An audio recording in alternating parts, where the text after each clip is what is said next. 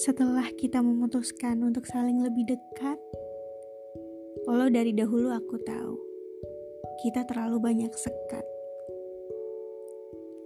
Ada banyak hal yang terlalu klise untuk kuceritakan.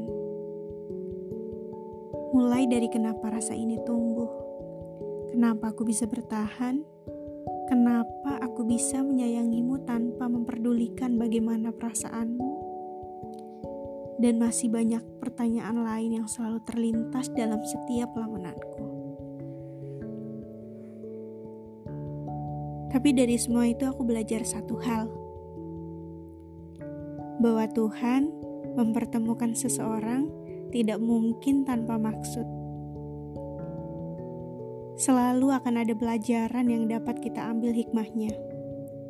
Ya, walaupun memang kebanyakan orang pasti berharap untuk selalu diberi pelajaran tanpa rasa sakit. Tapi perlu kamu ingat, justru dari rasa sakit itu kamu bisa bangkit. Banyak orang bilang, jangan berharap kepada apa yang tidak mungkin. Tapi bukanlah Tuhan sudah berulang kali memberi kita bukti bahwa di dunia ini tidak ada yang tidak mungkin.